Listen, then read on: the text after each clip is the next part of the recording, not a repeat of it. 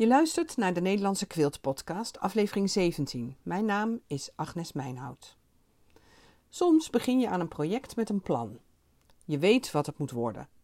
Je kiest de kleuren en de stoffen, het patroon, snijdt al je stukjes en naait ze aan elkaar. Heerlijk. Zoals Hannibal in the A-Team al zei: I love it when a plan comes together. Maar soms heb je geen zin in plannen. Wil je naaien en zien wat er onder je handen ontstaat. Kies je stoffen en kleuren en ga je gewoon aan de slag. En dan bedenk je later wel waar je het voor gaat gebruiken. Voor dat soort momenten vind ik het zogenaamde string piecing een geweldige techniek. String is het woord voor een strookje, een restje. Een string is iets anders dan een strip. Dat is ook een strookje, maar met een bepaalde maat en recht. Een string hoeft niet recht te zijn. En je kunt breed en smal mixen en met iedere lengte kun je wel uitvoeten. Piecing is het aan elkaar naaien van die strookjes. En wat is er nu zo leuk aan string piecing? Nou, je kunt met al je restjes werken. Het is niet moeilijk. Het resultaat is altijd geweldig. Mijn favoriete methode is om de strookjes op een ondergrond van papier te naaien. Het papier geeft een stevige basis. Daarop kun je ook stoffen verwerken die meer rekken dan de standaard quiltkatoen. Bijvoorbeeld restjes oude kleding. Zo kun je ook heel makkelijk een duurzaam project maken. En hoe werkt dat dan? Ik begin met een vierkant stukje papier. Ik naai de strings over de diagonaal van het vierkant. Dat levert namelijk een leuk blokje op waar je later mee kunt spelen om een spannend ontwerp te maken. Het eerste strookje leg je in het midden van het papier, met de goede kant naar boven, over de diagonaal van het vierkante stukje papier. Ik zet het meestal met een speld vast. Anders zwabbert het alle kanten op. Dan leg je een tweede strookje met de goede kant naar beneden op strookje 1, randen op elkaar. En dan naai je het vast door de stof en het papier heen. Zorg er wel voor dat de strookjes een stukje uitsteken buiten het papier. Ik naai altijd met een kwart inch natoeslag, maar het is bij deze methode niet heel belangrijk. Je naad mag best wat kleiner of wat groter zijn. En heel precies recht hoeft ook niet. Als je genaaid hebt, sla je het bovenste strookje om en strijk je de naad mooi plat. Dat kan met je nagel, met een strijkijzer of met, bijvoorbeeld met een hulpmiddeltje dat roll and press heet van Clover.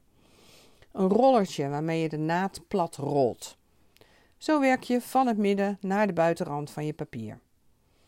Een extra voordeel van diagonaal over het vierkant werken is dat je langere strookjes kunt gebruiken in het midden van het blok en kortere aan de uiteinden van het blok.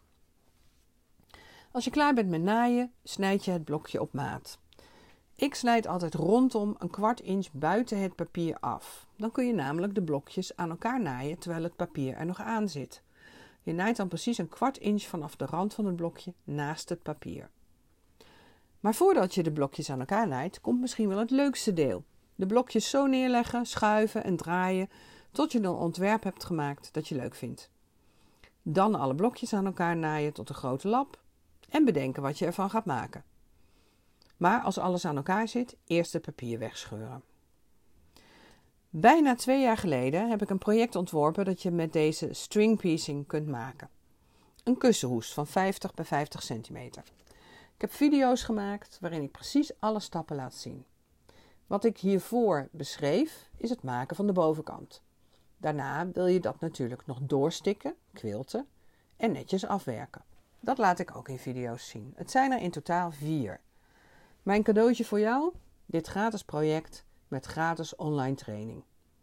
Je hebt er niet veel bijzonders voor nodig. Papier dat je eerst op maat snijdt, daar gebruik ik altijd een oud rolmes voor. Ik gebruik zelf paper piecing papier van Carol Doak. Dat scheurt lekker makkelijk weg.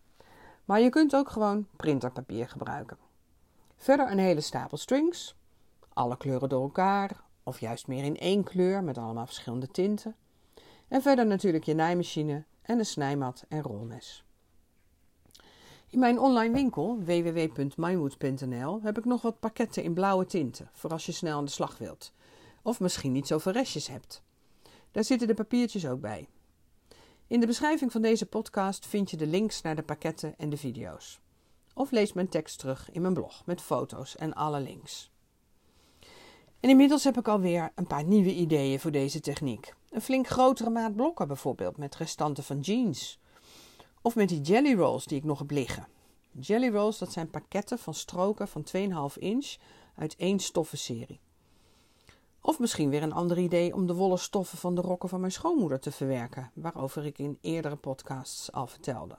Maar ja, zoveel ideeën en zo weinig tijd. Het is sneller bedacht dan uitgevoerd. Maar ja, dromen mag toch. Wil je de voortgang van de projecten met de Schotse rokken volgen?